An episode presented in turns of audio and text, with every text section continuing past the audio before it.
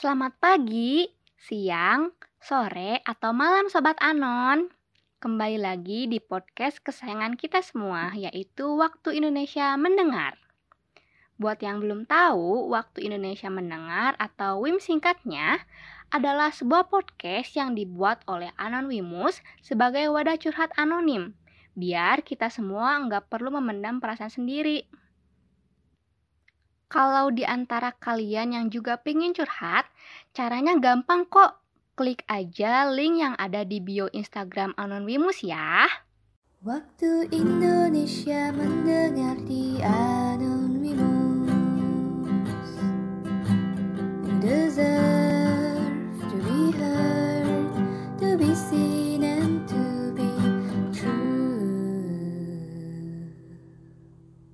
episode kali ini, kita akan mendengarkan curhatan dari salah satu sobat Anon. Sebut aja namanya Cherry. Cherry ini termasuk orang yang peka banget sama perasaan orang lain. Ya, bisa dibilang dia adalah highly sensitive person. Dan Cherry sudah sadar tentang ini sejak dia masih SMA. Karena Cherry rasa empatinya sangat tinggi, jadi dia suka cerita atau curhat gitu buat menyalurkan perasaan dan emosinya.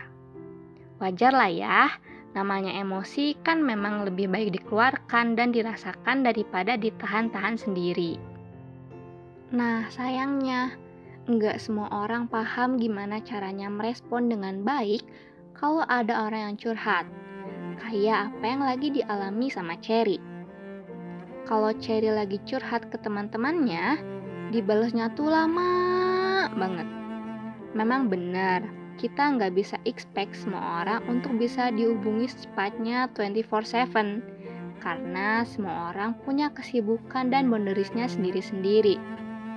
Tapi ketika teman Cherry ada waktu untuk membalas chat, temannya tuh bukan malah berusaha mengerti perasaan Cherry dan berusaha suportif, tapi malah menghakimi Cherry gara-gara apa yang dia curhatin.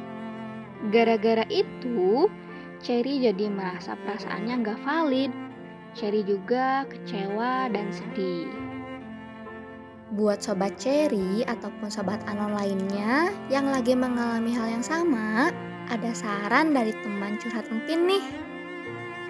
Pertama, Empin mau berterima kasih dulu karena Cherry sudah mempercayai Anonwimu sebagai tempat curhatmu. Aku juga mau mengapresiasi Cherry karena nggak semua orang bisa berempati ke orang lain kayak Cherry. Pin salut, Cherry orang yang baik dan hebat.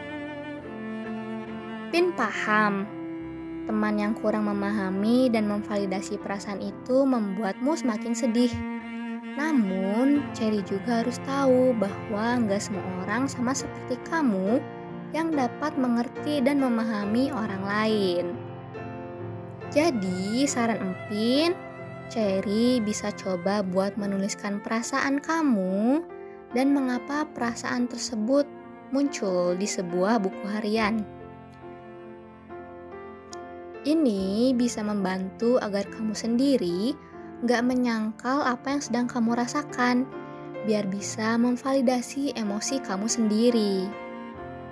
Misalnya nih, kamu bisa tuliskan gini, Hari ini aku sedang sedih karena ada masalah di kantor.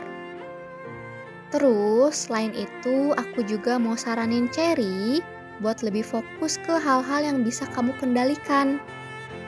Kamu nggak bisa mengendalikan teman kamu untuk bisa mengerti dan memahami perasaan kamu. Tapi, kamu bisa mengendalikan diri untuk enggak terlalu berharap ke orang lain. Kalau kamu menurunkan ekspektasimu, maka kamu nggak akan terlalu sedih atau kecewa. Cherry sangat boleh bercerita kepada teman agar mendapatkan feedback. Tapi ingat, Cherry jangan menetapkan ekspektasi yang terlalu tinggi kepada temanmu. Kenapa? Karena bisa jadi temanmu lagi sibuk atau juga lagi ada masalah Makanya curhatmu dibalas singkat atau terlambat. Empin harap kejadian yang Cherry alami enggak membuatmu berhenti untuk terus mendengarkan dan berempati dengan orang lain ya. Karena masih banyak orang lain yang membutuhkan orang baik sepertimu. Pin yakin suatu saat nanti pasti ada orang yang dapat memahami dan memvalidasi perasaan Cherry dengan baik. Semoga Cherry sehat dan bahagia selalu. Semangat terus dan jangan capek-capek untuk berbuat baik. Mungkin proud of you Cherry. Oke, segitu aja podcast Wim kali ini. Terima kasih banyak ya buat semua sobat Anon yang dengerin sampai akhir. Oh iya, buat kalian yang juga mau curhat secara anonim, bisa banget loh. Langsung klik link di bio Instagram Anonwimus. Dan jangan lupa stay tune buat episode Wim berikutnya ya. See you in the next episode.